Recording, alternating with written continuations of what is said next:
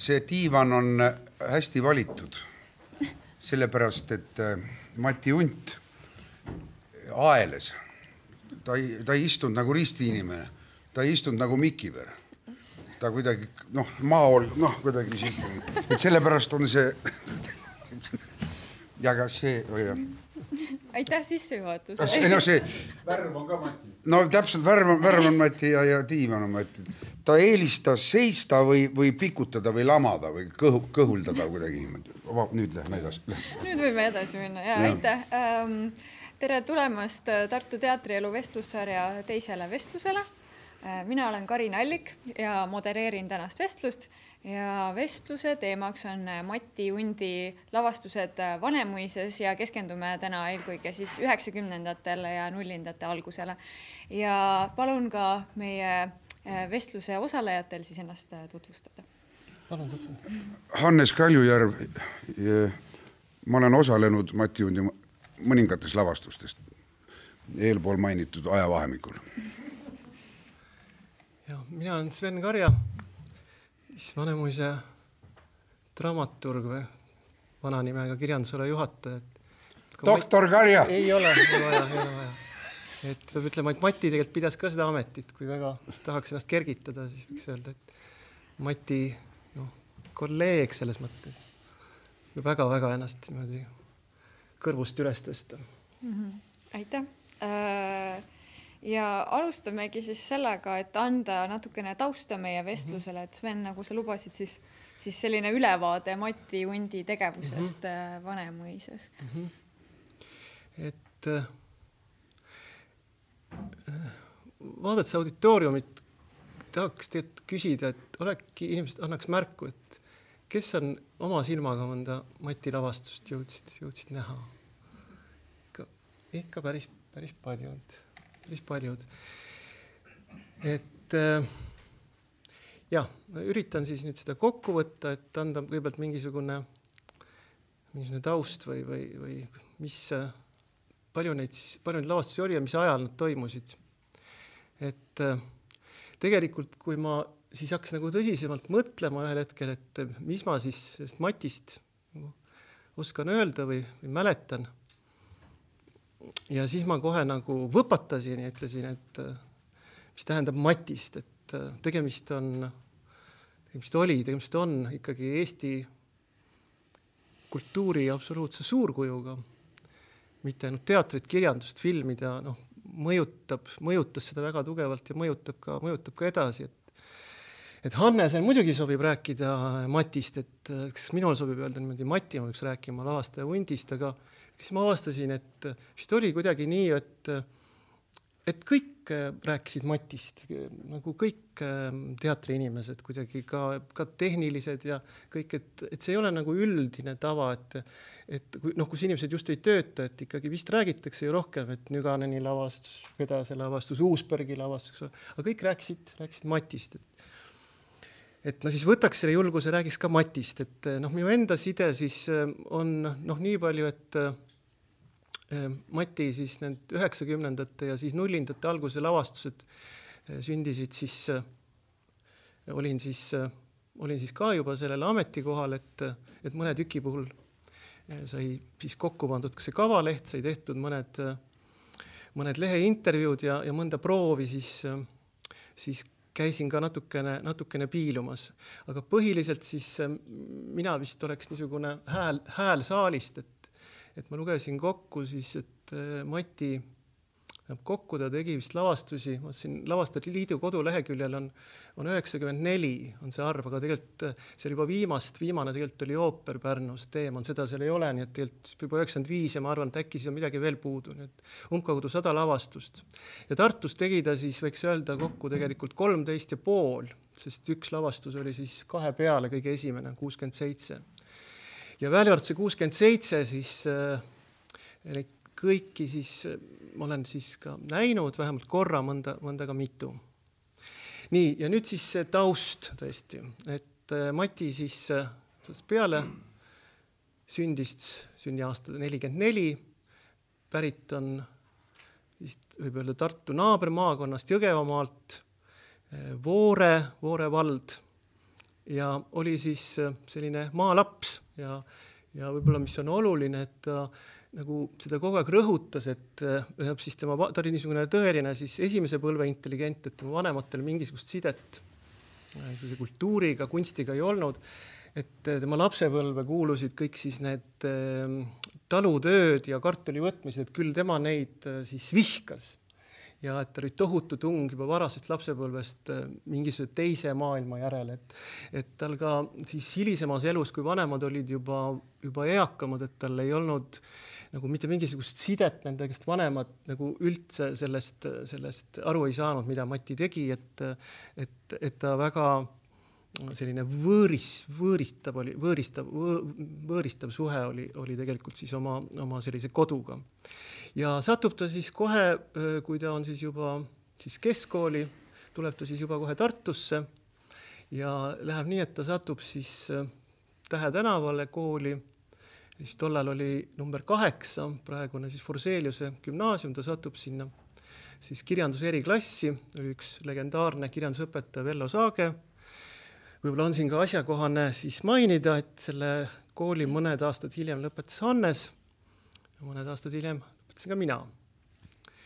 ja, ja seal siis juhtub ju väga palju asju, et, et Mati satub siis juba teise niisugusesse kultuurikeskkonda, mida on võib-olla naljakas ette kujutada, kes Matit teadsid, eriti nüüd tema diktsiooni. et kooli ajal oli ta väga tubli näitleja, tehakse koolis teatrit ja kusjuures tõsiseid näitemänge, Eugene O'Neill'i ja, ja mida seal lavastatakse.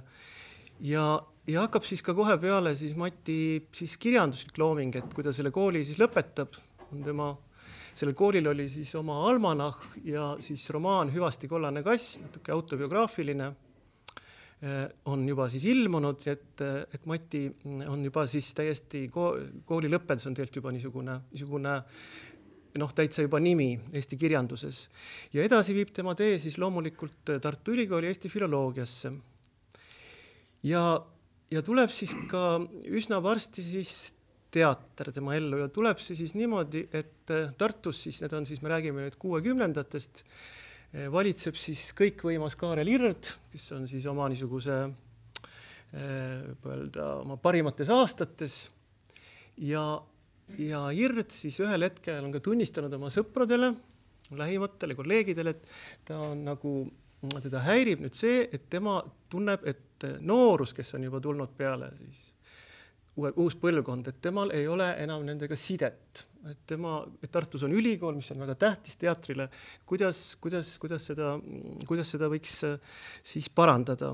ja keegi soovitab talle siis tollast juba noort luuletajat Paul-Eerik Rummot, kes siis õpib ülikoolis ja ta kutsubki Paul-Eerik Rummo siis kirjandusala juhatajaks Läheb aga nii, et Paul-Eerik Rummo üsna kiiresti leiab tema üles Nõukogude armee ja võtab oma ridadesse. Ja edasi on siis Mati rääkinud sellist lugu, et ta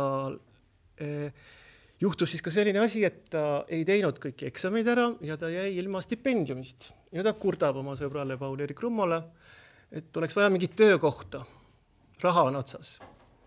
Ja, ja Paul-Eerik siis soovitabki siis Irdile siis Matit või annab siis nagu oma töökoha siis Matile. Ja kuuskümmend kuus tuleb siis Mati Vanemuisesse. Ja muidugi see siis on tohutult õnnelik aeg, eks ole, mõeldes siis sellele, mis siis toimub tõesti noh, kultuuris, ka muidugi Eestis, eks ole, see õudne hirm ja stalinism on jäänud siis selja taha kõik nagu avaneb, uus, uus rikkumata põlvkond, mõtlema, mõtleme siis ka maailmakultuurile, eks ole. Beatlesid, eks ole, luules, vaba värss, kunstis juhtub väga palju asju. ja Tartus siis hakkab siis üsna mm, kohe siis äh, tulevad sinna siis tööle Evald Hermaküla, Jaan Tooming ja veel ka siis äh, kuna Irt, Irdil siis on teatav tõrge siis äh, nagu Tallinna Panso kooli suhtes, lavakunstikooli suhtes, siis see otsustab ise avada stuudio ja, ja, ja Vanemuises luuakse siis esimene draamastuudio, kus tuleb väga, väga palju näitlejaid, hilisemaid väga, väga olulisi näitlejaid Vanemuise ajaloos. et ühesõnaga Vanemuise maja on siis äkki, äkki noori inimesi täis ja on selline kõik nagu, nagu pulbitseb ja kihiseb ja, ja, ja elu keeb. Ja mida Mati siis teeb, eks ole, ta hakkab siis tegema dramatiseeringuid, ta kujuneb siis jah, siis nagu eriti Hermaküla, aga ka Toominga siis võib-olla niisuguseks kirjanduslikuks kirjanduslikuks konsultandiks või tõesti siis dramaturgiks, et ta hakkab tegema dramatiseeringuid, nüüd mõned on väga kummalised küll, need valikud ilmselgelt siis nagu noh, teatri tellimused, näiteks on seal Arkadi Gaidari RSN noh, kõige, kõige räigemalt punane pioneerijutukene, mille Mati siis kohandab lavale. täielik farss, Charlie Daddy, eks ole. Aga ka Mati enda siis esimesed näidendid tulevad lavale. E, e, mm, siin võib-olla siis võiks meenutada, mm, Hannes teab seda näidendit, seda väga paljud ei tea, siis oli näidend See maailm või teine, mida Mati ilmselgelt natukene häbenes, seda trükitud ei ole kuskil, see siis on sellise, sellise siira, sellise noormehe juhtumustest, kes satub sellise lõnguste või natuke kuritegeliku kamba liikmeks ja see kuritegelik kamp räägib inglise keelt ja kuulab Beatleid ja on selline mandunud ja ja kunagi ma Matiga nagu alustasin sellist juttu, et äkki kuidagi teha uuesti, et Mati nagu hästi ruttu sulges selle kohe ja see teema pandi, pandi kõrvale. aga palju olulisem näidend on siis Faeton päikesepoeg, mis on ka väga kummaline, et seda ei lavasta mitte äh,, mitte mm, Tooming ega Hermaküla, vaid lavastab Ird ja see siis on müüt, siis äh, päikesevankri juhtimisest, ilmselgelt on see siis mingi ühiskondlik allegooria, aga need tekitavad ka siis nagu päris palju elevust. ja esimene lavastus siis ka on kuuskümmend seitse Suits Pööri ja luhtadelt, äh, siis on siis, seal oli siis Juhan Liivi luule, see on siis on selle stuudiolavastus ja teine osa oli Paul-Eerik Rummo luule.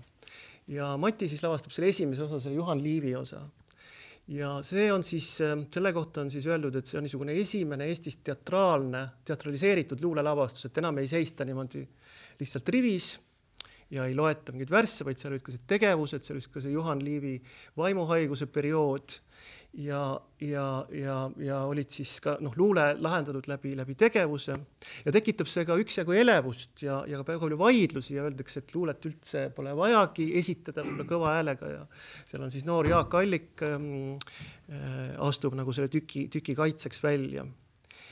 Ja muidugi siis, äh, mis on nüüd Mati suur teene kogu selle siis äh, noh, see prot-, protsess siis on see, see Tartu uuendus, see natukene ka müstifitseeritud protsess võib-olla või, või natukene üle, üle müstifitseeritud, niisuguseks legendiks muutunud äh, nähtus, aga, aga tõesti noh, peale mida õige varsti Eesti teatris mitte miski ei ole enam endine.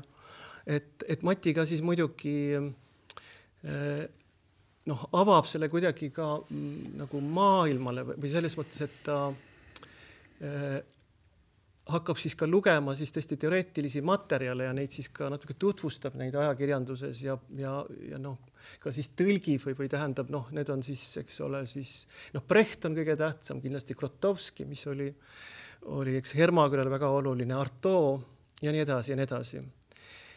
ja, ja lõpeb see siis, võiks öelda, küllaltki järsult, sellise ka võiks öelda sellise noh, kas võib öelda krahhiga või, igal juhul seitsekümmend kaks, siis äh, see, see sõpruskond või see, see kuidagi siis, kuidagi siis laguneb, Hermaküla Tooming Unt, Unt äh, lahkub Tartust, nad enam kunagi, kunagi koostööd ei tee hiljem. ja, ja Mati läheb siis Tallinnasse selle siis üheks põhjuseks siis väidetavalt on, on Mati romaan, teatriromaan Via Regia ehk selle üks variant. et trükis on ilmunud siis justkui, justkui nagu teine variant, mis siis, mis siis, mis siis teisi kuidagi siis, kuidagi siis solvab või riivab. ja ähm, vahepeal jõuab ta siis veel teha ka koostööd näiteks Karin Raidiga ja siis mingisugune seitsmekümnendate keskel siis alustab Mati noorsooteatrist, olles noorsooteatris ja leiab endale siis uue koostööpartneri ja üks mõttekaaslane leiab endale Kalju Komissarovis ja seal tulevad siis ka mitmed Mati olulised näidendid välja.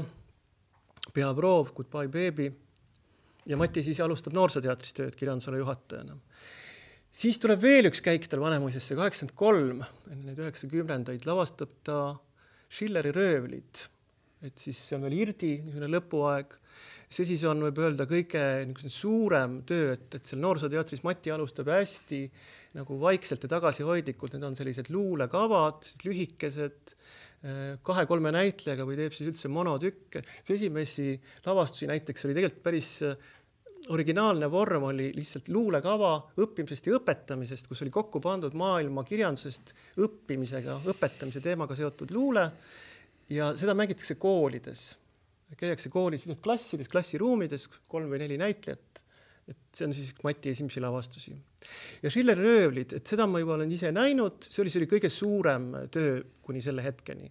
et siis suur maailmaklassika, Vanemuise suur lava, küllalt suur trupp et äh, seda ma isegi päris hästi mäletan, noh, et seal juba päris palju oli siis võib-olla ka siis juba mingeid motiive, sest Mati üheksakümnendate lavastust, et et seal oli ka niisugune toodud ikkagi siis nagu teda ka kaasaega, seal oli mingisugune selline optiline sihik oli taustal, oli ka mingid helikopterid, kostüümid olid juba toodud kaasaega, et see Schilleri maailm äh, oli siis kuidagi ikkagi hästi-hästi nagu julgelt ähm, siis selle, selle klassikaga sulatatud kokku ja oli ka siis noh, teksti oli kõvasti lühendatud ja näiteks oli ka siis, mis oli väga iseloomulik hilisemale hundile, et sinna vahele oli pandud näiteks ka mingit Eesti luulet näiteks hoopis, et toodud hoopis fragmente mingist kas vist Maria Underi ballaad või oli toodud äkki kuhugi niisugune äärmiselt kummaline, kummaline noh, selline pööre. ja siis, ja siis edasi, siis oli Matil siis tükk aega paus Vanemuisest kuskil üheksakümnendatest võib küll öelda, et et ühel hetkel siis me saame öelda, et üsna jah, et võib-olla eh, Mati esimesi lavastusi vaadati kuidagi niimoodi noh, kuidagi kõhklevalt või kahtlevalt, et noh, ei ole ju õppinud lavastajad, see on niisugune kirja, vaadati kui eh, sellise kirjaniku härra võib-olla mingit hobi või katsetust. noh, oli, eks ole selliseid, selliseid arvamusi kostis, et ikkagi jah, üheksakümnendate keskel on ikkagi, ikkagi Mati läheb siis ka üle lavastaja kohale seal Noorsooteatris. ja, ja need on ikkagi väga-väga uhked ja, ja olulised lavastused, mis siis on siis nii maailmaklassikat kui, kui kui siis niisugused vähetuntud kaasaegset, et, et seal, kui seal Noorsooteatri väikeses saalis on siis näiteks Mrožeki tango või Strindbergi Preili Julie või Rene Toa tüdrukud on, on ikka, ikka väga uhke saavutus ja üheksakümmend kaks siis läheb Mati, kutsutakse siis Draamateatrisse, nii-öelda siis nagu ta ise ütles, vist ka Broadway'le. ja üheksakümmend neli jõuab ta siis äh, jälle Vanemuisesse. ja esimene on Gombrowitši Ivona Burgundia printsess, on kohe, tekitab tohutut äh, elevust, võib öelda küll, niisugune tõeliselt, äh, tõeliselt nagu avastuslik, avastuslik lavastus ja kuna siis, kuna see siis niivõrd hästi tundub nagu klappivat, siis, siis Mati jääbki siis kuni, kuni lõpuni, see lõpp oli siis aastal kaks tuhat viis, et jääb siis, jääb siis nagu Vanemuisesse käima, mõnel hooajal teeb ta siis, mõnel aastal teeb kaks lavastust, mõnel aastal ei, ei tee. ja nüüd ma loeks nad lihtsalt ette mälu värskendamiseks, et võib-olla siis keegi midagi on, on näinud või, või, või suudab äh, mida, midagi siis nagu, nagu mälus mm, äkki, äkki elustub, et, et üheksakümmend neli siis Ivona, selle järgnes siis üheksakümmend viis Taevane ja maine armastus, siis kogu, kogu Tammsaare eh, ühes, ühes viietunnises teatriõhtus. siis üheksakümmend seitse Jeanne Anouilh Lõoke taeval, siis Jeanne d'Arc'i lugu, üheksakümmend seitse Hamleti tragöödia, kaks tuhat teine Gombrowitš laulatus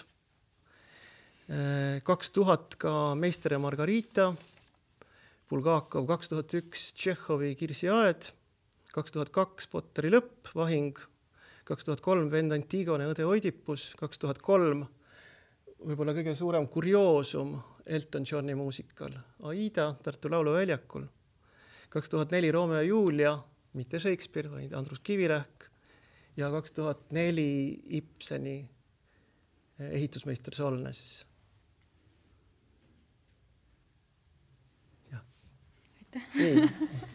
väga põhjalik sissejuhatus või ülevaade ähm,. aga kui see oli nüüd pigem sellisest nagu publiku või saali vaatenurgast, et siis võib-olla sukelduksime korra sellesse näitleja vaatenurka ka, et, et milline lavastaja oli Mati Kunt äh, näitleja seisukohast ja kuidas ta näitlejaga töötas ja proove tegi?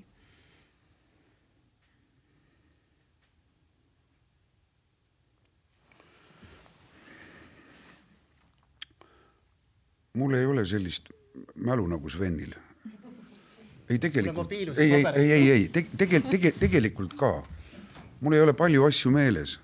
no midagi siiski on, aga kaugeltki mitte kõik. et ma jään, ma jään kuidagi poolikuks või veel, veel vähemaks sellega, aga, aga milline lavastaja no ju ta siis sobis, kui ta hakkas edasi käima. Üheksakümmend neli oli esimene mm. -hmm. ju ta siis sobis. käis ja käis, ma praegu lugesin, mina olen olnud siis kümnes, kümnes äh, Mati lavastuses, mis ta Vanemuises tegi. ja no repliigi korras ma pean ütlema, et mind kuidagi väga tüütas see lõpus ära et ma praegu on mul kahju sellest, et pidi see siis ära tüütama. et ei oska nagu äh, täiel määral hinnata seda, mis oli. aga see on selline tagantjärele tarkus. ja ilmselt ka mitte ainult äh, noh, minu näitleja seisukohalt, vaid ka, vaid ka pealtvaataja seisukohalt äh, näiteks see Antigone ja Oidipus, seda mängiti suures saalis ja nii vähe rahvast ei ole ma Vanemuise suures saalis veel näinud. seda mängiti ainult näiteks kuus või kaheksa korda, ülivähe. ma enda jaoks kuidagi põhjendan seda tagantjärele sellega, et, et Matil oli oma selline kuidagi vägagi eristuv käekiri võrreldes teistega. et võib-olla kui teda liiga palju sai, siis see jah tüütas ära. aga, aga, aga jah, milline lavastaja ta oli. noh, Sven alguses ütles, et, et ta oli jah, Mati ta, ta sai kuidagi ruttu omaks. aga samas te, tema kui kuidagi eriline inimene või ta oli juba oma olemuselt kuidagi eriline. ta oli kuidagi teistmoodi ja ma ei tea, ma ei tea, kas siis johtuvalt sellest oli ka ta oli nii meeletult enesekeskne, nii edev, et ega, ega naljalt kellestki muust rääkida temaga ei saanud kui temast endast. ikka öö, läks jutt tema peale ja noh, ütleme, et kui ta tuli, tuli öö, hommikul proovi, noh, tema päevarežiim oli selline, et, et öö, ta magas vist, jah, ta magas väga halvasti ja väga vähe. Nii et ma olen teda isegi näinud seal, kus, mis, kus praegu on ka see kurgunina kõrva polikliinik ja seal toimusid ka uneuuringud. et Mati lasi oma und uurida, et ta oli seal sees. et ta magas väga vähe, tähendab, siis ta ärkas hästi vara. ja siis ta tuli proovi ja siis ta andis põhjaliku ülevaate, kuidas ta oli maganud, mis oli juhtunud, kui ta hommikul ajalehte läks ostma putkasse, millised joodikud olid teda hirmutanud? Ja ühesõnaga rääkis pikalt endast, enne kui läksime proovi juurde. aga noh, see oli selline inimlik eripära või?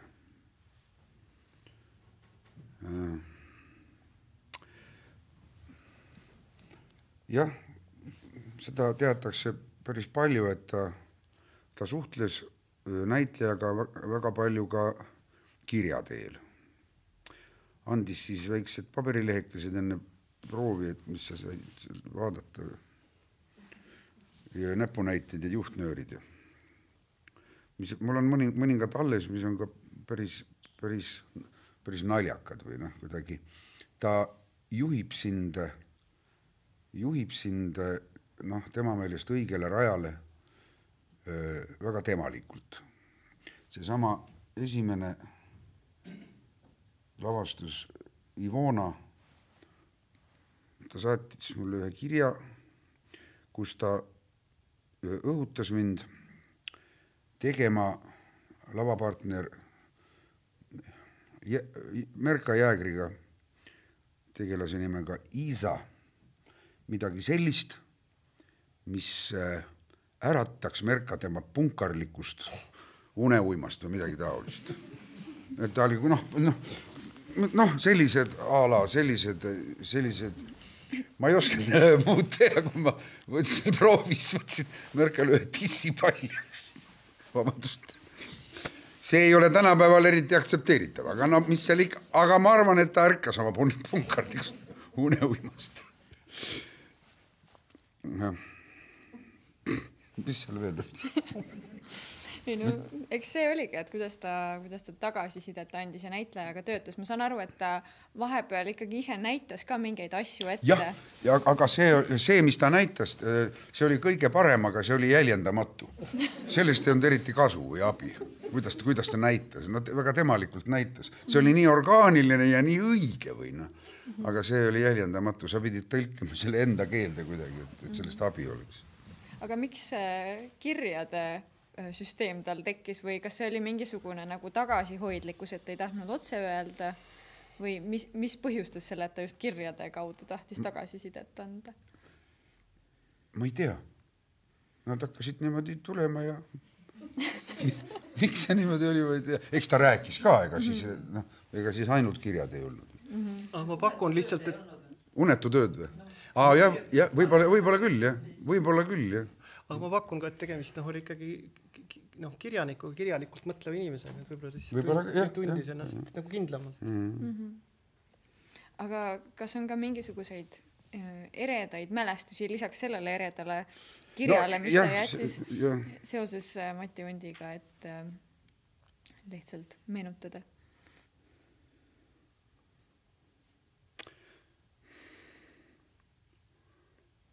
nojah, eks me veetsime ka aega nii-öelda prooviväliselt vahel koos. aga ta oli väga edev ja väga arg ja, ja lasi ennast ära viia, kui asi läks käest ära võib nii öelda. jah, et ega midagi hullu temaga siin Tartus ei juhtunud ta oli heades kätes.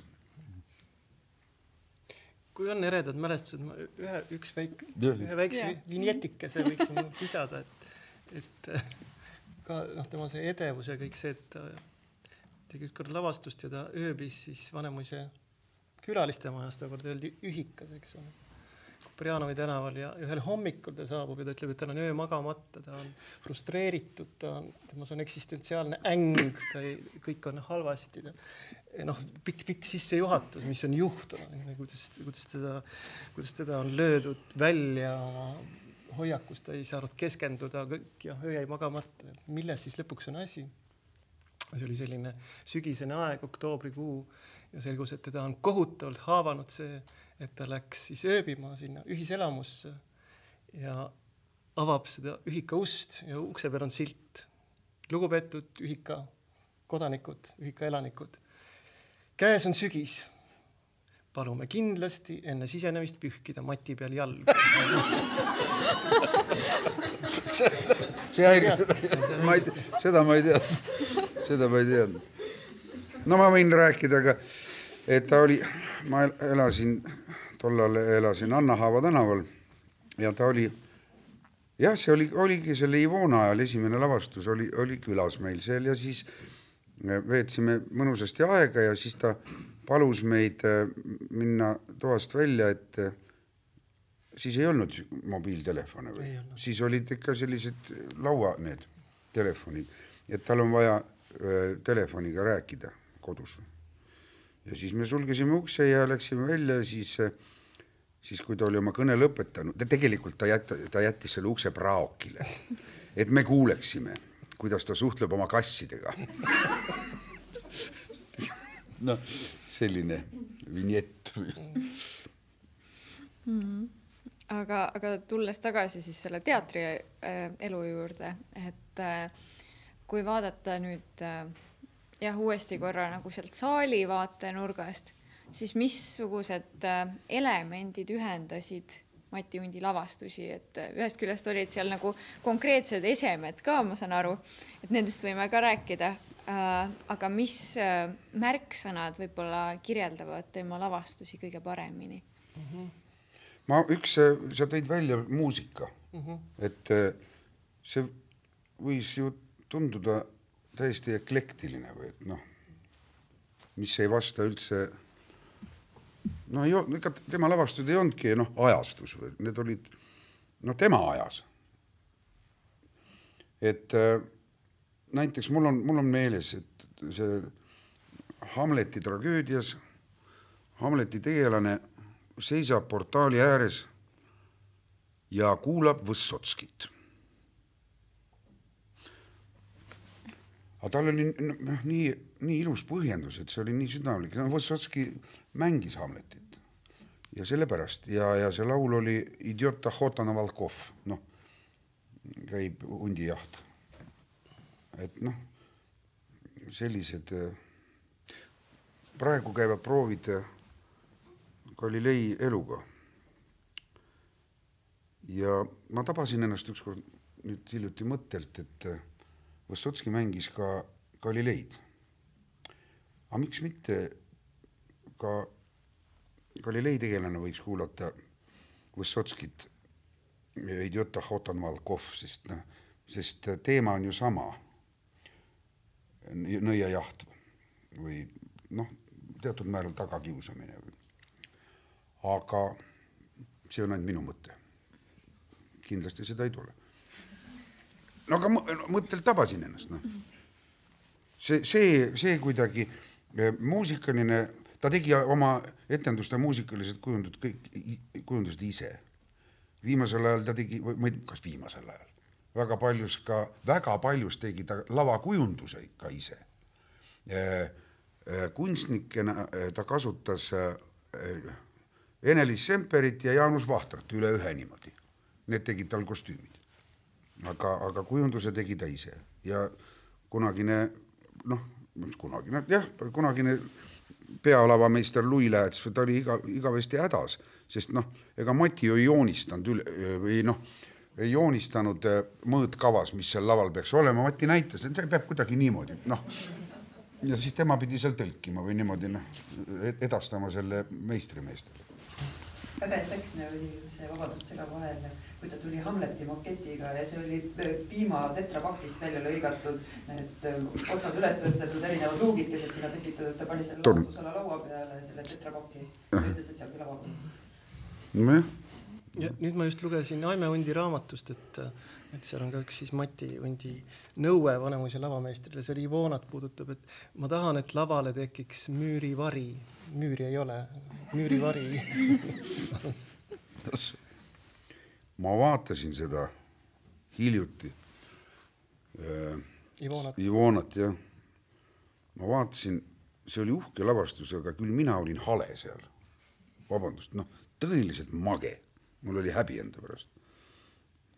siiralt kohe, lähme edasi jah, võib-olla millegi positiivsemaga, aga ja tulles korraks uuesti nende läbivate elementide juurde, et siis tal olid ju punane lõngakera ja, ja muid asju ka, kas mitte tulekustuti, kui ma õigesti mäletan, et kas need.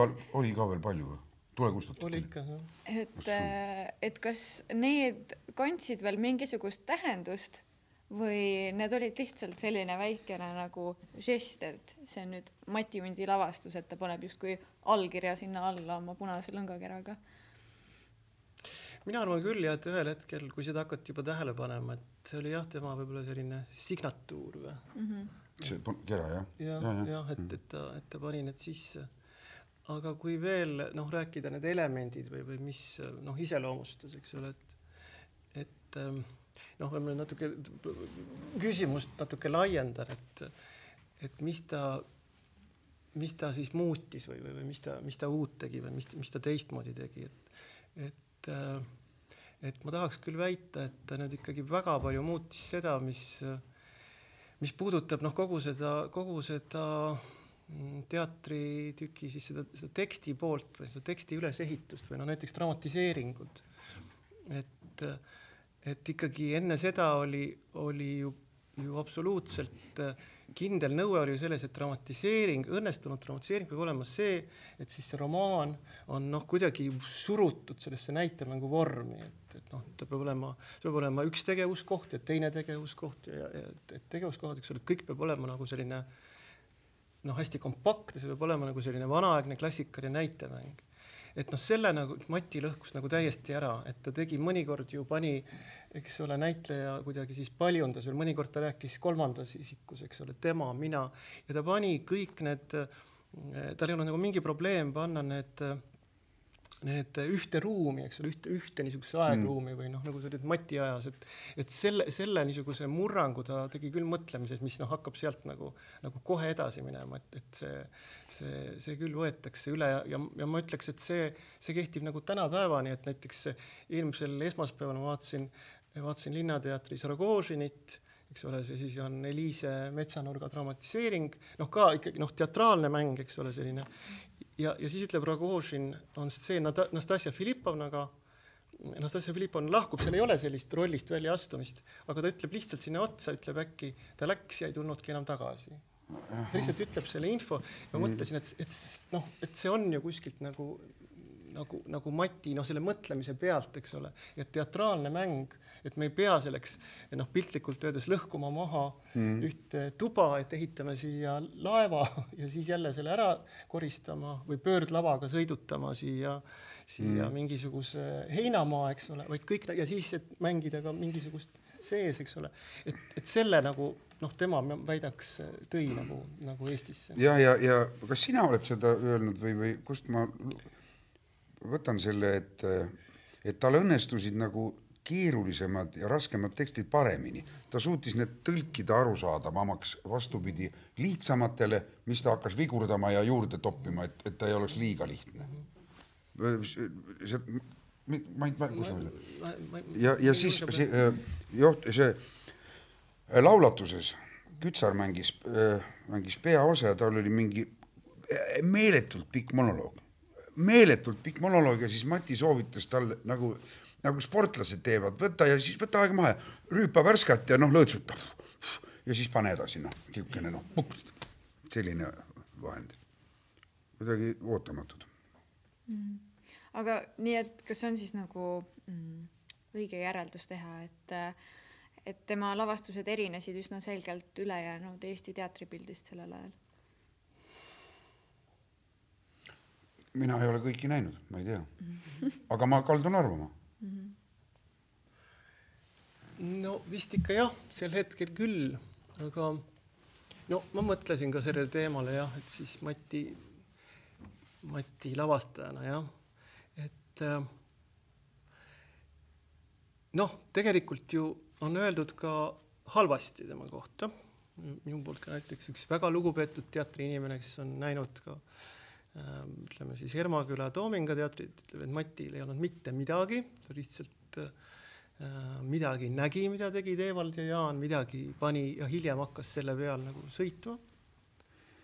et sellega ma ei ole nõus ise, sest äh, igaüks võib midagi võtta ja maha panna, minu, minu väide on ikkagi, et, et looming on, on tsiteerimine, aga võib-olla tõesti, et mis oli, kui rääkida nagu Mati siis nagu puudustest või, või, mida tal ei olnud või.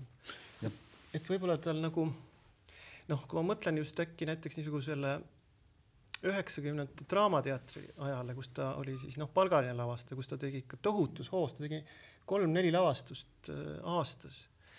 et seal noh, tekkis küll nagu ühel hetkel niisugune natuke selline konveieri tunne, et ta nagu kuidagi vormistas need lavastused ära, et ta võttis noh, niisuguse suhteliselt niisuguse peene, niisuguse elitaarse materjali, mingisuguse üsna tundmatu autori, võttis oma siis põhinäitlejad kuidagi noh, panin nad lavale, panin sinna natukene punast valgust, natuke tangot, ja, ja oli valmis ja, ja läks, eks ole. ja sealt noh, ega need ei olnud ka mingid publiku menukid, need üsna sageli nagu äh, nagu äh, ka siis kadusid mängukavast ja sealt mulle tundus, et ka Mati kuidagi võib-olla natukene oli sellest riivatud, aga, aga tema hoiak oli selline arrogantne või noh, ma teen lihtsalt ja mis siis on ja, ja teen aga järgmise ja teen aga järgmise, et mul ei olegi see nagu, nagu tähtis. et võib-olla ta tõesti jah, et võib-olla niisuguste nagu, nagu suurte nagu tipplavastajate puhul või niisuguses me näeme mingit sellist suurt, mingit ühtset niisugust metafoori või noh, nimetagem seda siis kas sõnumiks lõppude lõpuks, eks ole, et võib-olla, võib-olla see kuidagi kuidagi pihustus või, või, või Matil see kuidagi, kuidagi, kuidagi, kuidagi jah, pihustus kuidagi lagunes natuke laiali. ta ei, ta ei viitsinud äh, lõpuni minna. võib-olla. mina kui näitleja väidan äh, äh, mitte kõigi, vaid pa, äh, paljude lavastuste puhul ma näen, et see koht ei ole valmis. aga ega ta ei, noh, ta räägib näitlejaga või näitlejatega. ma saan aru, mis ta räägib. minu meelest ei tule see välja esimene kord, teine kord ja Mati poolest las ta siis jääb. vot noh, läheme edasi ja, ja ongi tema mõningates lavastustes sellised kuidagi nõrgad kohad. samas äh, kasutas ta ka noh, sellist vahendit, et äh, on on dialoog, mis on kuidagi nõrgapoolne, ei, ei tule välja ja siis ta pani teise lava serva ühe näitleja lihtsalt midagi ootamatut tegema. et rahvas vaataks sinna. ja see koht läheb lupsti üle. see oli ka Mati selline vahend. kas see on nüüd õige? noh, jah, võta sa kinni. ja see oli temalik mm. -hmm. aga ma räägiks veel kahest nagu sellest plussist ka, mis olid tema niisugused. plusse oli mitte ainult kaks, ikkagi palju. oli, oli, aga ma räägin põhilisest, mis on minu jaoks olulised. et äh, mille peal see tema teater siis nagu seisis.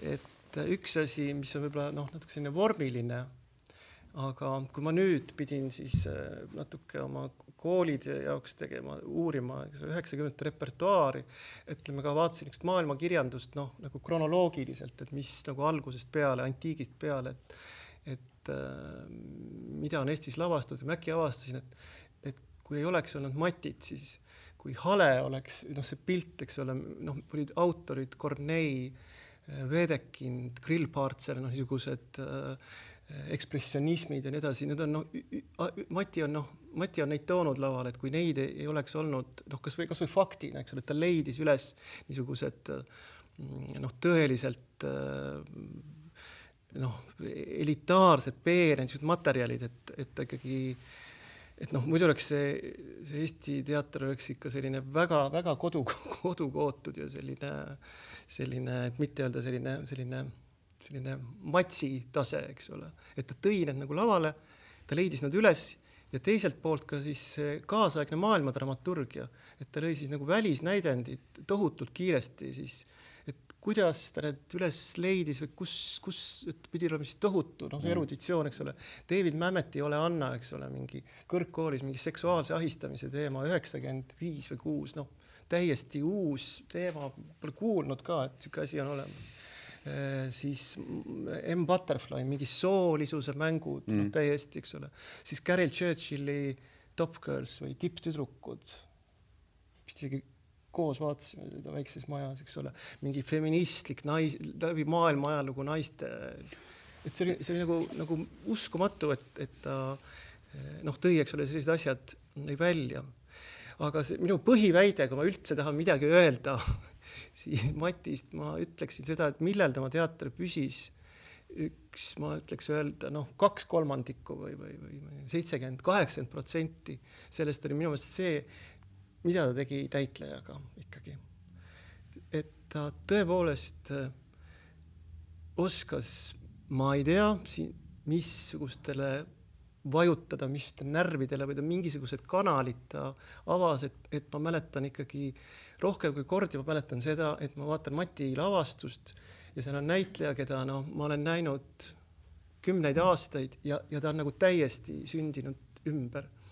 et ka siis näiteks noh, selline lavastus nagu Potteri lõpp, eks ole, ma julgeks öelda, Vaino Vahingu näide, ma julgeks öelda, et no ta ei ole ta ei ole väga suur kirjandus, et ta nagu lugemisel noh, no ta ei avane või tähendab neid, need mõistatused, mis sinna sisse on pandud, no seda ei, seda ei hammusta läbi, mis mustlased, eks ole, mingi varblased.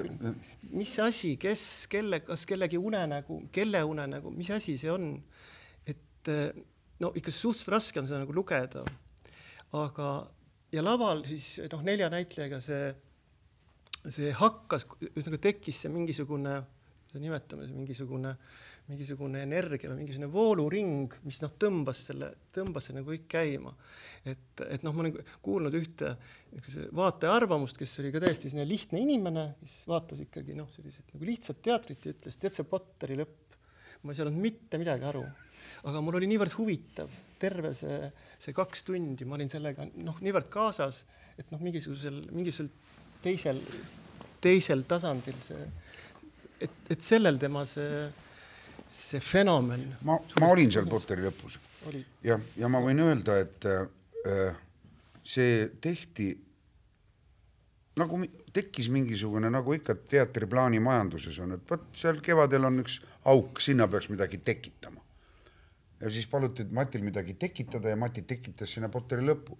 prooviperiood oli lühike, aga nagu sageli Mati puhul oli see lust ja lillepidu.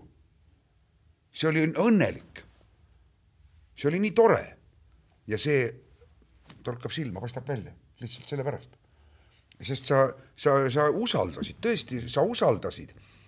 ja seal on palju sellist noh, alateadvust, millest võikski proovi, analüüsiperioodil rääkima jääda.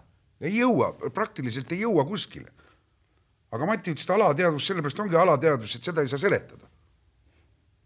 sõnades, kõike ei saa seletada. jah, ja, ja, ja näitlejad, kes seal osalesid, nad olid rõõmsad selle üle.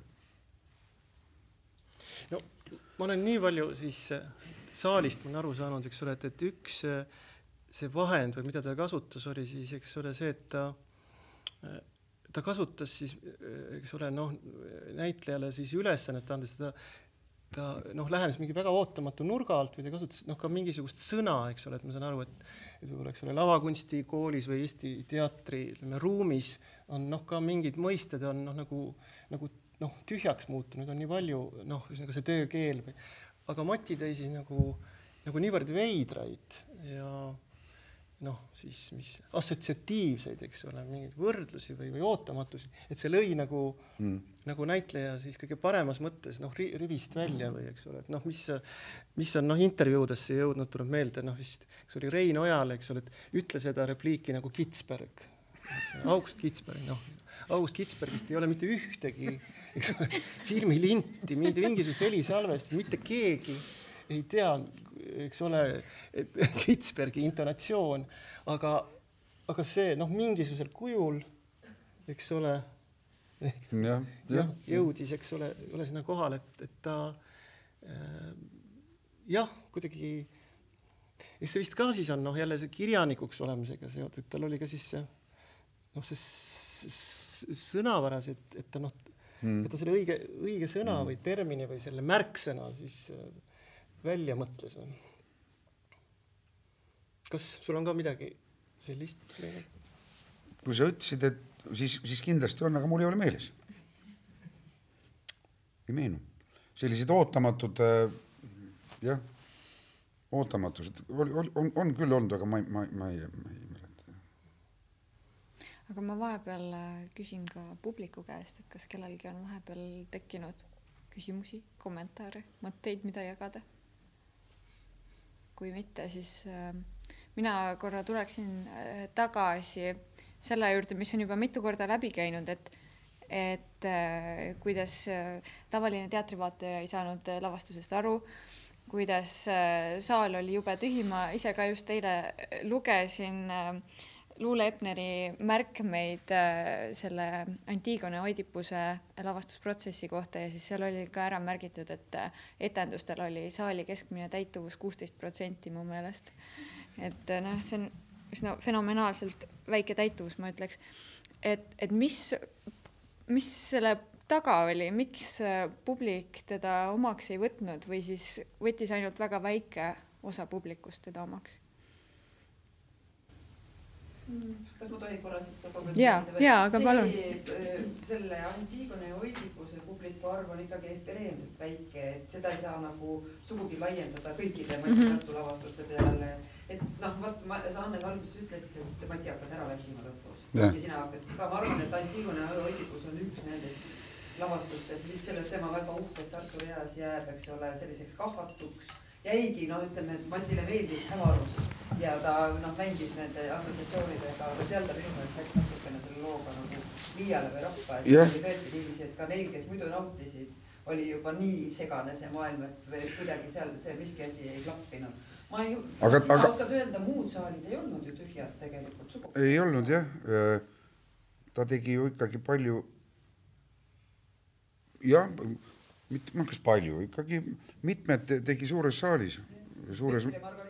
meister Margarita, Hamlet, eks ole, Kirsiaed. Neid vaadati väga hästi. jah. Hamlet, jah, aga väikses majas samamoodi, Looke või siis, eh, mis seal veel oli? Ivona, see tema Ivona. taevane maine. taevane maine.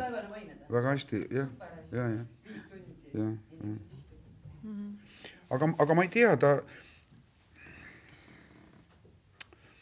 tema need vahendid olid kuidagi nii domineerivad või võib-olla tõesti väsis ära, aga ma mõtlen, et ma ei tea, kui ole, saaks niimoodi, et oleks mingisugune niisugune tühi aeg ja siis tuleks seesama Oidipus sinna aega koos nende vahenditega. võib-olla oleks ta värske mine tea. noh, seal olid mingid, mingid tõukeratas, mis liikus ise, oja tuli sellega ja siuksed noh, siuksed asjad olid, aga nad praegu nüüd liigutakse. või selle noh, iseliikuv masin mm. -hmm. ma lugesin ka lihtsalt ühte äh, kommentaari kuskilt äh, teatrikülastajate konverentsilt, siis Vanemuise omalt, kus kus keegi oli publikust sõna võtnud ja palunud Mati Unti mitte enam Vanemuisesse lavastama kutsuda ja siis oli teeninud sellega veel teiste teatrikülastajate seas nagu aplausi välja ja ega siis ja teatrikülastaja on selline kogum mm. -hmm. kunagi oli meil Ermaküla stuudioga üks Mäeotsa Jeppe väljasõiduetendus Tallinnasse, kus ka tõusis keegi püsti, seal oli lõpus selline joodikute koor, sa Jüri mäletad seda? niisugune joodikute koor äh,. Äh, jah, omakorda repliigi korras, me olime seal Jüriga joodikute kooris. ja üks teatrikriitik kirjutas selle kohta, et lava oli täis agaralt abitult karglevaid diletante. kurat, eluks ajaks jäi mulle meelde hästi agaralt, abitult karglevad diletandid, Lumiste olid sina ja olin mina. aga mitte seda ei tahtnud ma ütelda. võib-olla kas siis, aga mine tea, võib-olla nende agaralt, abitult eh, karglevate diletantide peale tõusis Tallinnas keegi esiridadest püsti ja ütles häbi Vanemuise teatrile. ja publik hakkas jälle plaksutama. aga ma ma olen, ma olen pannud ka tähele, et publik on sõnakuulelik, et tarvitseb paaril inimesel sellise eh,, kuidas öelda, kaheldava väärtusega etenduse lõpul püsti tõusta. kui päris paljud ajavad ennast püsti. ma ei tea. ja seda olen minagi täheldanud. no eks ole ju, oled võib-olla isegi püsti ajanud ennast väldin seda üldiselt. no aga kaua sa vastu pead, kui kõik on püsti ja vaatavad, üks punases istub? eks sa ikka jah, jah. nojah. aga nojah, et see,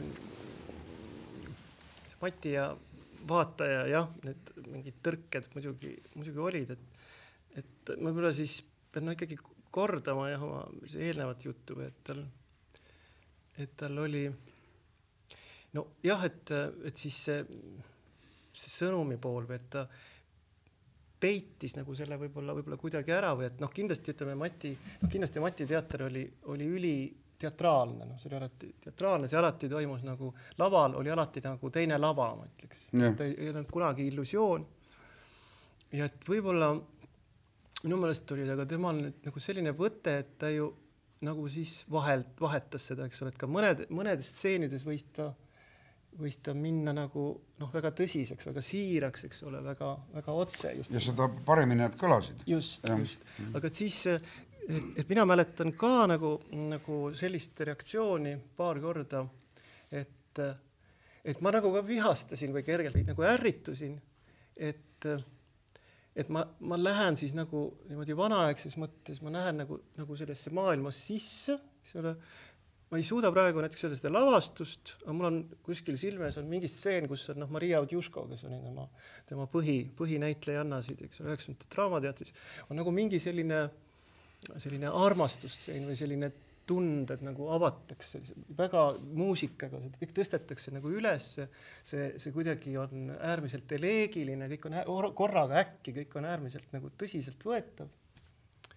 ja siis noh, see, kas seal hakkab mingi, hakatakse noh, midagi rüselema või, või noh, ühesõnaga mm. võõritatakse, see tõmmatakse mm. nagu noh, kujundlikult öeldes tõmmatakse see vaip nagu, nagu alt ära, no tehakse nagu naeruks kõik äkki.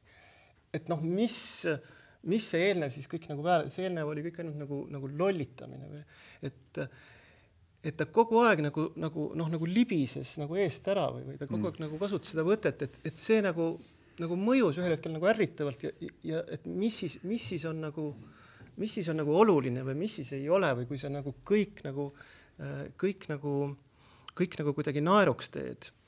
et, et noh, seda võib ka vaadata muidugi jälle hästi sellise suure väärtusena, et, et äh, minul näiteks jäänud meelde üks äh, lause, mis on äh, Mati kohta öeldud, minu arust väga-väga hea lause, mille kirjutas, pani kirja noor, kunagine noor teatrikriitik Hans H. Luik, kirjutas Brožeki tango kohta, kirjutas, et, et hundi lavastused, et hundi lavastused et jah, et hunt ei lähe kunagi ühe idee, ühegi ideega lõpuni kaasa, jah, ei lähe ühegi ideega lõpuni kaasa ja see teeb tema lavastused suurejooneliseks ja haavamatuks mm. -hmm. et, et, et nii see nagu, nagu oli jah, aga, aga mingil hetkel ju tahaks millegagi kaasa minna või tahaks ju, et mulle, mulle ikkagi lõpuks oleks ka mingisugune Mm. mingisugune päris asi või et, et ta seda nagu, nagu kogu aeg, et tal kogu aeg nagu vaheldusid need et järgmine mask ja järgmine mäng hakkas, hakkas nagu kohe peale, et, et lõpuks võis jääda noh, niisugune, niisugune tühi tunne, et ma arvan, et kuidagi, kuidagi sellest oli ja, ja noh, see ja see mäng siis ühel hetkel tundus ka tõesti sellise nagu veiderdamise või nagu lollitamisena, et see ühesõnaga, et, et, et vaataja, kes tundis, et noh, temale ei selgitata neid reegleid või teda sellesse mängu ei võeta, et ta tundis ennast nagu üleliigsena ja, ja noh, sealt kuidagi see tema niisugune tõrge või, või, või, või selline, selline, mm, selline, selline võõristus, jah. ja, ja, ja noh, ma hakkasin korraks nagu veel kaugemale mõtlema, eks ole, et, et noh, Matit ikkagi noh, hirmsasti jah, ju seostatakse või isegi ütleme seda laulatust ka, mis oli kaks tuhat, seal nagu väga palju nähti ju seost siis äh, ikkagi selle, selle teatri uuendusega, selle, selle Hermaküla ja Toominga teatriga ja siis ma hakkasin mõtlema, et kas nad siis on või kus, kus, kas see, kas see juur on, on siis nagu sama või, või, või mis seos seal on. Ja siis ma mõtlesin, et jah, eks ole, et, et, et nii Tooming kui Hermaküla ja Hunt, et noh, mis neid nüüd tõesti seostab, on muidugi see mäng, noh, see on absoluutne võtmemõiste, eks ole, noh, teatraalne teater, suur, suured metafoorid, ei tehta niisugust eh, illusiooniteatrit või sellist vanaaegset realismi. aga siis ma hakkasin nagu edasi mõtlema et kui ma mõtlen nüüd Hermaküla ja Toominga peale, et siis nendel, eks ole, oli ju siis nende see, see teatri, teater oli nüüd väga seotud, eks ole, niisuguste no vist ei ole viisakas öelda esoteerikaga, aga no niisugune salateadused, eks ole, kõik see ša-, šamaanlus ja, ja need intuitiivteadused ja, ja, ja selline, selline noh, müstiline maailm, rituaalsus, ürgsus, kõik see, eks ole.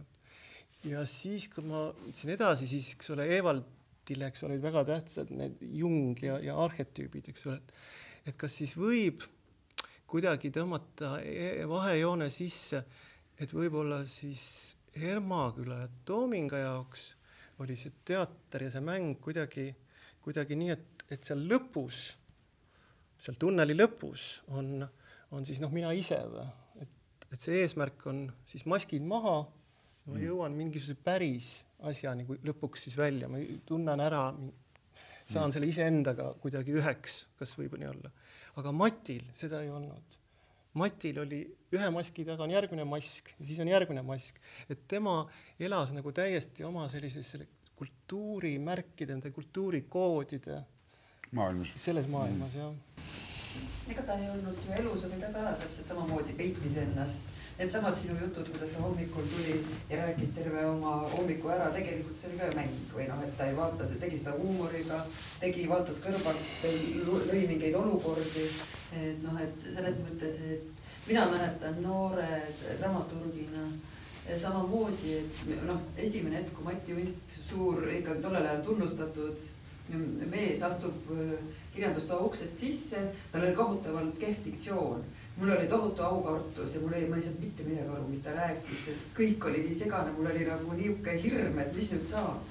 et noh, et ja see, kui ta tuli oma tekstidega, et ma tahaks, et kavalehel on see või teine, ma võtan selle teksti ja noh, absoluutselt aktsepteerin au saa üldse aru, kuidas see selle tükiga seotud on, noh, kõik need vihjed, viited, kuidas ta nagu seda oma maailma üles ehitab, et pikapeale alles nagu hakkad aru saama, mismoodi ta mõtleb või et kuidas tema oma eh, vihjeid annab, et aga ikka väga pikka aega säilis selline noh kuigi ta oli erakordselt sõbralik ja ta iialgi mingit distantsi ei tekitanud, aga ta oli niisugune nagu ta kaob sul peost ära, et sa ei saa täpselt aru nagu, mida ta mõtleb või mille, mis vihjetest sa pead kinni võtma et no, et ma mäletan, et see kassi-hiire mäng oli nagu siukene, kestis või noh, et ei, ei saa täpselt aru temast. et, et jah, et no, võt... nagu lavastus, ta peitis inimesi omamoodi, peitis ennast. jah, ja kui jah et kui asi läks tõsiseks kätte, siis ta läks koju ära. kas tal oli see kindel väljend, mis ta ütles, et kui läheb orgiaks või ja. mõrvaks, siis tema lahkub enne seda? nii, kui tuleb grupiseks või mindi kedagi tapma, mina läksin kohe koju. just, just see oli tema alaline vabandus um, aga ma saan aru, et äh, Unt ise on ka tegelikult nagu meenutanud, et, et talle meeldis väga Tartus äh, lavastada ja, ja ta on tegelikult ka välja toonud, et, et üheksakümnendate teise poole lavastused on tema lemmikud olnud. et ähm, kuidas teie hindate, kas see oli mingis mõttes tema kõrgaeg või, või mitte? jaa, päris kindlasti üheksakümnendad oli kindlasti tema aeg, et ta vist ise jälle, kui teda tsiteerida, ta on ju alati, ta võib nagu alati tsiteerida, ta on nii värske kuidagi. et tema, kui talle küsiti, et, et miks te nii palju Vanemuises teete, ise saate palka Draamateatrist, siis ta ütles ju, et, et Draamateater on minu abikaasa, aga Tartus ma käin armukese juures sest need Vanemuise lavastused muidugi olid kuidagi olulisemad ja, ja noh, ilmselt ma ikkagi väidaks ka jah, et ta pani sinna tegelikult rohkem sellist tööd ja, ja nagu oma hinge. et, et kui need ta sai Tartus rohkem tagasi. seda ka jah ja.. mis äh, tähenduses?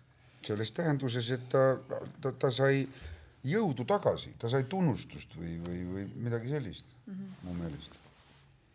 laadis ennast siin töötades ka aga miks ta siis päriseks näiteks Vanemuisesse koosseisuliseks ei tulnud? mine isane tea. ma ei tea, ma ei oska öelda, kas teda ja. kutsuti või. Ja, ja palun, palun enne te just ütlesite, et Ant Juskot nimetasite, et ja nüüd tuli see välja, et, et Draamateater on, oli Mati Undi abikaasa ja Vanemuine oli siis tema armuke.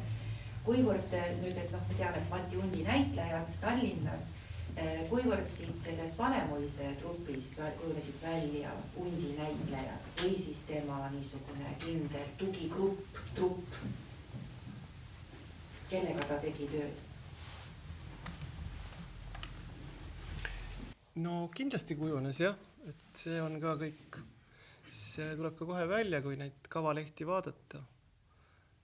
et noh, Hannes, Liina Olmaru, Rain Simmul, Riho Kütsar, Raine Loo, Raine Loo, et, et vägagi oli jah.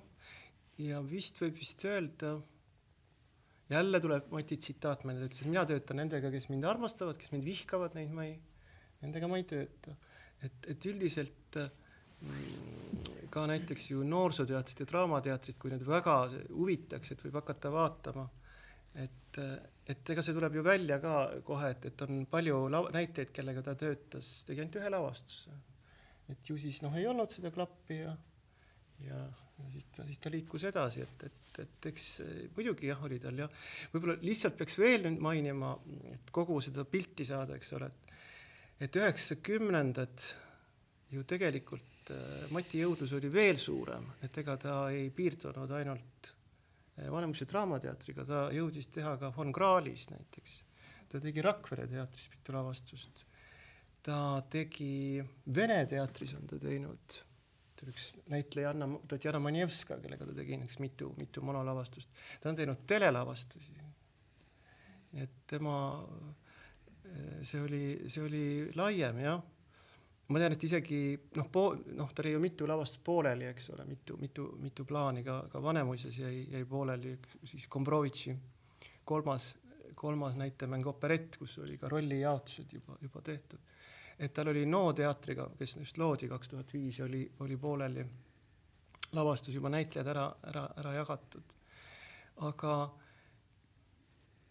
äkki siis Hannes oskab öelda, et mis, mis tüüpi need näitlejad pidid olema, kes, kes Matile sobisid või mis? ma oskan naisnäitlejate kohta öelda. Tem-, kuidas? ei no seda ka muidugi, aga ütleme, et sellised, kuidas öelda, tema kui nii veider, kui see ei kõla ja ei tundu, tema kui maapoiss, kes pidi hanekarja ja see on kuidagi uskumatu. aga tema armastas vastupidiselt, tema talutüdrukuid ei armastanud. temale sellised aneemilised mõisapreilid rohkem olid sümpaatsed, kõhnad ja verevaesed. no Kavtšuška no ma selline kuidagi jah, aga, aga ma, mina ei tea, tal oli Vaarik oli seal Noorsooteatris ju. ma ei tea, mis need, ei, ma ei oska ütelda naisnäitlejad olid kindlasti ühte tüüpi. ühte, olid ju jah? noh, ütleme Liina ja, ja Kersti Illo hiljem teatris ja pärast, ja tulles Tallinnas kogu aeg Avduško, et tal oli ikkagi muusat vaja või sellist nagu kedagi, ühte siukest naishinge, kes teda selles trupis inspireeris nagu. et Raine ka kindlasti, Raine juba nooruse ajast nagu mingi mhm. ja Tallinnas muidugi veel Viire Valdmaa ja. oli väga oluline, aga minul tuli meelde, et ma tegin kunagi ka mingit intervjuud temaga ja siis ja sealt mulle jäi meelde, ta ütles, et tema valibki ikkagi tükke ikkagi noh, naisrollide järel. ikka, jah. jah, et, et see, et ta valis selle järgi, et tema lemmiknäitlejanna saaks noh, mõne, mõne rolli. ma, ma olin seal Taevases maises armastuses, ma olin äh,, olin äh, nii Andres kui Indrek ja siis mul need vaheldusid need, ma pidin ainult kuulama neid naisi hästi pikad monoloogid naiste suust ja ma kuulasin neid. aga tolles intervjuus ma mäletan, et Mati läks edasi, ta ütles, et, et jah, et tema huvi, huvi keskmes on jah naine. ja siis ta ütles, et, et aga, et ega proovis, ega see ei ole, ega ei ole keeruline, see näitlejannadega töötada, et ega neid ei ole vaja kuidagi ergutada. Teda on vaja ainult tagasi hoida. Aga noh, eks, eks ole, me teame, noh, Mati, eks ole, ta ju noh, mängis ju elus, eks ole, ta ju kindlasti ka nautis seda noh, mingisuguseid noh, oma afekte või eks ole, seesama, seesama Pühkige Mati peal jalgu, noh, eks ole, et see oli ju, see oli etendus tegelikult või see oli ju, see oli ju, see oli stseen selline. aga eh, seda aja mõttele, et kui Hannes meenutas näiteks seda taevast ja maist armastust, siis minul on näiteks meeles, et võib-olla siis ka üks noh, näiteid, kus, et, et võib-olla tõesti noh, need noh, Mati siis need kujundid või noh, jah, metafoorid, et, et mõnikord noh, et need olid, võisid olla väga veidrad ja, ja ei tea, mis alateadvusega, eks ole. Mm, sa pead seda eh, vastu võtma, aga, aga siiski mõnikord, mõnikord oli ta ka nagu, nagu, nagu ääretult selge või, eks samal ajal. et sellest taevast ja maisest armastus mul on näiteks meeles, et kuidas oli siis lahendatud, oli siis diivan, mis oli noh, natuke suurem, eks ole, kui see ja on siis, eks ole, need Karini ja Indreku siis noh, neljanda osa põhiliselt vist ja noh, ütleme äh, siis väga intiimsed noh, dialoogid, eks ole, mis noh, ilmselt romaanis leiavad aset ilmselt noh, magamistoas, eks ole, absoluutses intiimsuses, kus noh, mitte kedagi ei ole, eks ole. ja siis Mati tõi sinna juurde, kui, kui Raine Loo siis, eks ole, siis nagu ekspressiivselt neid, neid parinal, parinal seda, neid, neid Karini monolooge ütles, et ta tõi sinna diivanile selle diivani rahvast täis mm, -hmm. eks mhm. ole, ta tõi sinna kõik kõrvaltegelased, isegi inspitsient Mai Jägala, eks ole, kes noh, istusid ja kuulasid mm -hmm. seda, eh, vahtisid neile suhu, eks ole. Eh, et nagu noh, erakordselt selge ju noh, võrdpilt sellest, kuidas noh, noh eks ole, kõige intiimsemad, isiklikumad asjad, eks ole, noh, laotatakse mm, -hmm. laotatakse noh, nagu tervele maailmale laiali, et, et äh, ainult siis sellise visuaalse kujundiga äkki noh, ta, võis ka äkki noh, olla väga selge ja ikkagi, ikkagi nagu, nagu kergemini mõistetav, et, et mm ta ei mhm. olnud noh, ei teinud siis ju ka ainult selliseid krüptilisi mingisuguseid mõistat-, mõistatusi. samuti kapp oli seal, mäletad? Kus me olime ja. kapis mm. -hmm. kitsad korteriolud. ja, ja kolmekesi sellise molliga. ja, ja, ja, ja. aga kuna me tasapisi peame hakkama ka liikuma enda vestluse kokkuvõtte poole, et siis ma vahepeal uurin uuesti, kas kellelgi publikus on tekkinud mõni küsimus. aitäh kommentaar. kutsumast, see oli mul on see, veel üks see küsimus. oli, see oli äh, tõeliselt nauditav reis noorusmaale hea kuulda, aga ma küsiks sellegipoolest veel ühe küsimuse, kui võib. Äh, just selles mõttes, et, et millise jälje on äh, Mati Unt jätnud Tartu teatriellu või üldse Eesti teatrimaastikule? Tartu teatriellu, räägi siis Eestist, ma ütlesin Tartu. ikkagi sügava ja kustumatu, sest temast äh, räägitakse väga palju, meenutatakse väga palju. nagu praegu. et see on tänuväärt.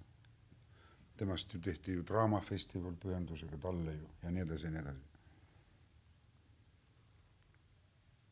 jah. Saaremäe kannab siiamaani Mati Undi särki draamafestivali, ma ei tea, kas tal on mitu tükki neid. see draamafestival oli ju kurat kakskümmend aastat tagasi. see Hundi festival. Hundi festival jah. Saaremaal ikka see aga tal on vist palju neid, sest särk näeb alati värske välja. mis? trükib juurde. aa, saab või? no võib-olla jah. repliigina ennem Hannes on võib-olla tagasihoidlik, aga üks, äh, kui näitlejatest juttu oli, Mati näitlejatest, siis Tartus oli üks vaieldamatu äh, tegur oli Hannes. Äh, Hannes ja Liina pärast Ivonat olid need näitlejad, kelle järgi Mati valis tükke.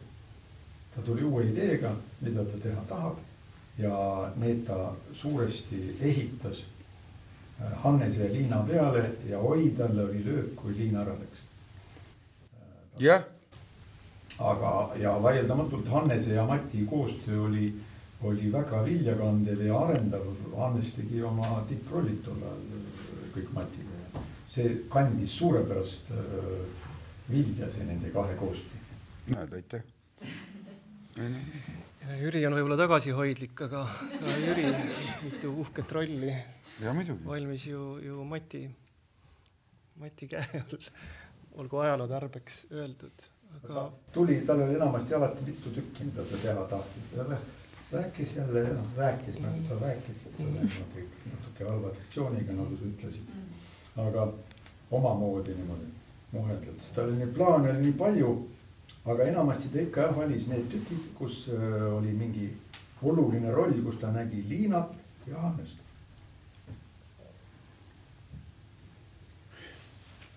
vabandust, segasin. ei seganud jah, aga minul tuli veel hoopis nüüd, kui Li Liinat nimetati, ma räägin siis ka ühe, ühe loo veel lõpuks, et äh, räägin küll Liina poolt mulle edasi räägitud loo, aga ma ei räägi midagi halba, aga et lihtsalt näide sellest, noh, Mati jälle niisugusest äh, noh, ootamatust äh, sõnakasutusest võiks öelda, kuidas nagu siis midagi pani liikuma.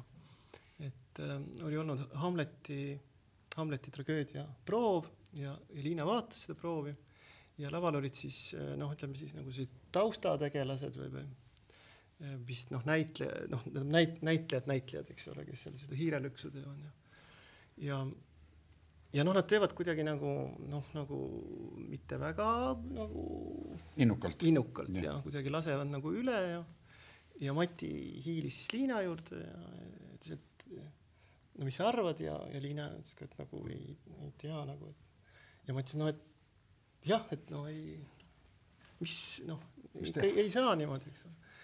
ja Liina ütles, sa pead, sa pead, sa peaksid ütlema neile, eks ole. mine ütlen, noh. ja ja Mati siis katkestas stseeni või ma ei tea, või mängiti stseen ära ja Mati loimas lavale ütles, kuulge mehed, ärge mängige nii hubaselt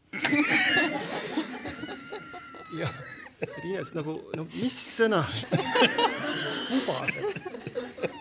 ja ma mõtlesin, aga absoluutselt täpne sõna ja just nimelt noh, et ei viitsi väga või niimoodi lohistada. et no ta leidis kuskilt jah, et eesti keeles on olemas selline sõna, mis, mis seda ma ei tea, kuidas see näitlejatele, kas, kas see toimub, toimub.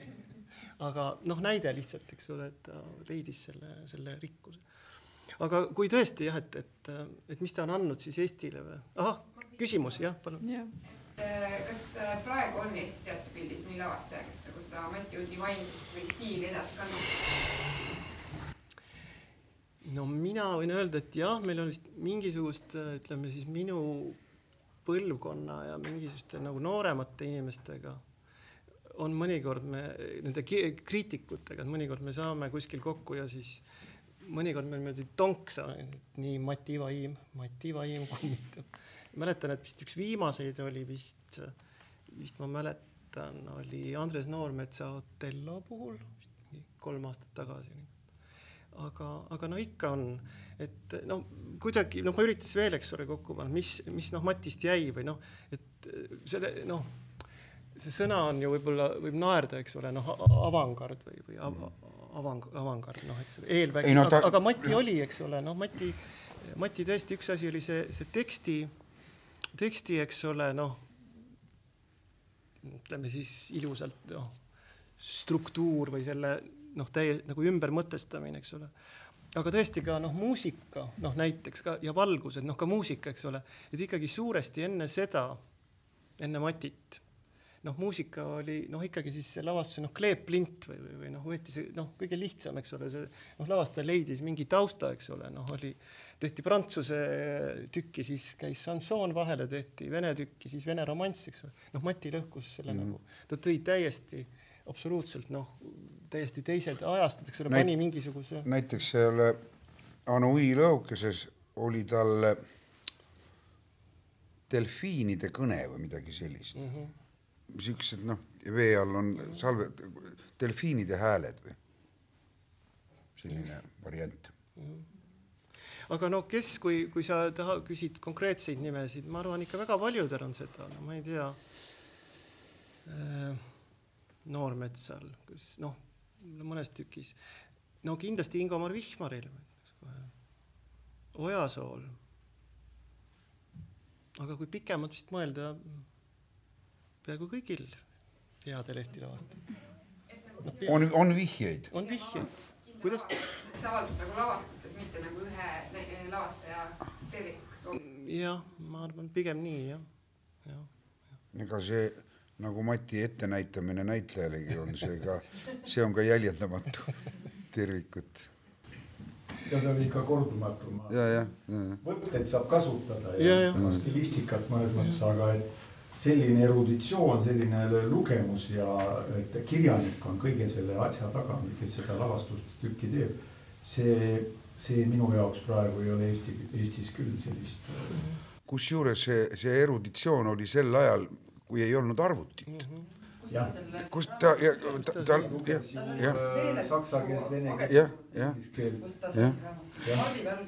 ta lugemus oli meeletult suur. jah, et äh, üks ähm, inimene, kes, eks ole, Eva-Liisa Linder, jah, kes kirjutas oma siis magistritöö laulatusest, minu arust ta sai äh, ta enda kätte selle paki ja vist Kirsi aia kohta ka, et, et Mati jättis vist noh, sellise virna, noh tõesti, see oli selline virn, paljundusi jah see oli, see oli materjal, noh, ja, ja ka neid oli veel tegelikult, eks ole, seal oli näiteks, ma ka kogu siis nagu lehitsesin seda, et nagu no tundus absurdne, et nagu eks ole, Tšehhovi Kirsi aed, eks ole, tal oli siis muidugi venekeelne, ta oli ta oli näiteks soomekeelne oli see, soomekeelne Kirsi aia noh, tõlge, no mis, mis, mis ta sealt, mida ta sealt leida lootis või, või noh, midagi leidis mm., noh, eks ole.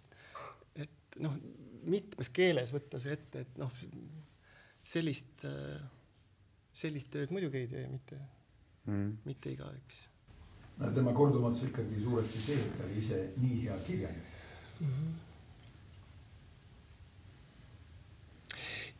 Ja noh, veel, eks ole, mida, millest pole veel ju olnud juttu, et kui veel lasta see tema nagu läbi korraks, see tema niisugune loomingutee, et et eks ole, et seal on nüüd nagu üks selline lõikejoon on ju kuidagi, mis on ka hästi siis selline loomingupsühholoogiliselt võib-olla raske seletada, et et eks ole, ütleme, kui ta siis oli Komissaaroviga töötas, eks ole et need olid ikkagi seal ikka päris palju sellist sotsiaalkriitikat, et Goodbye baby'd ja noh, Komissaaroviga noh, ei saagi ju teisiti, eks ole.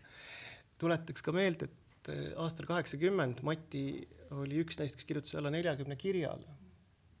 ja veel ka kaheksakümnendate lõpul, eks ole, tal olid niisugused, ta tegi näiteks raudsepa vedelvorsti ja noh, see, see tango ja need olid siuksed nagu noh, ikkagi sotsiaalselt niisugused, sotsiaalselt noh mm., aktiivsed või, või, või noh, kuidagi.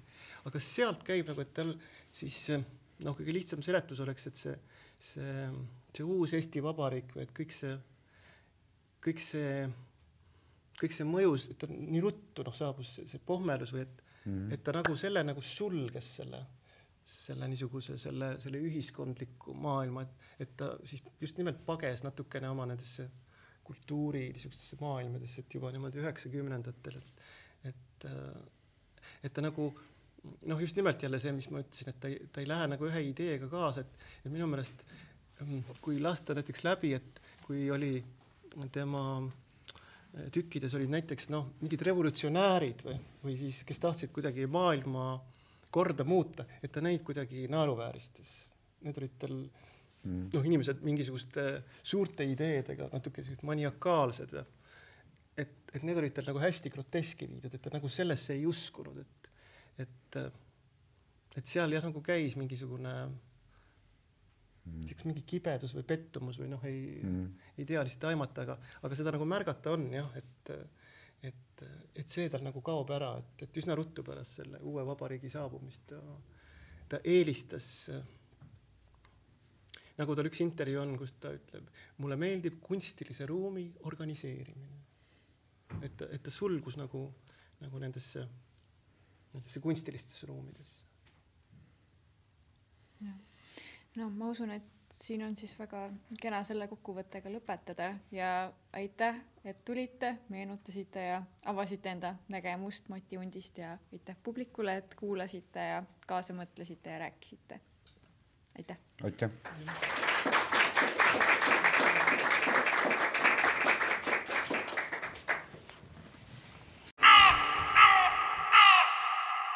Tartu Hääl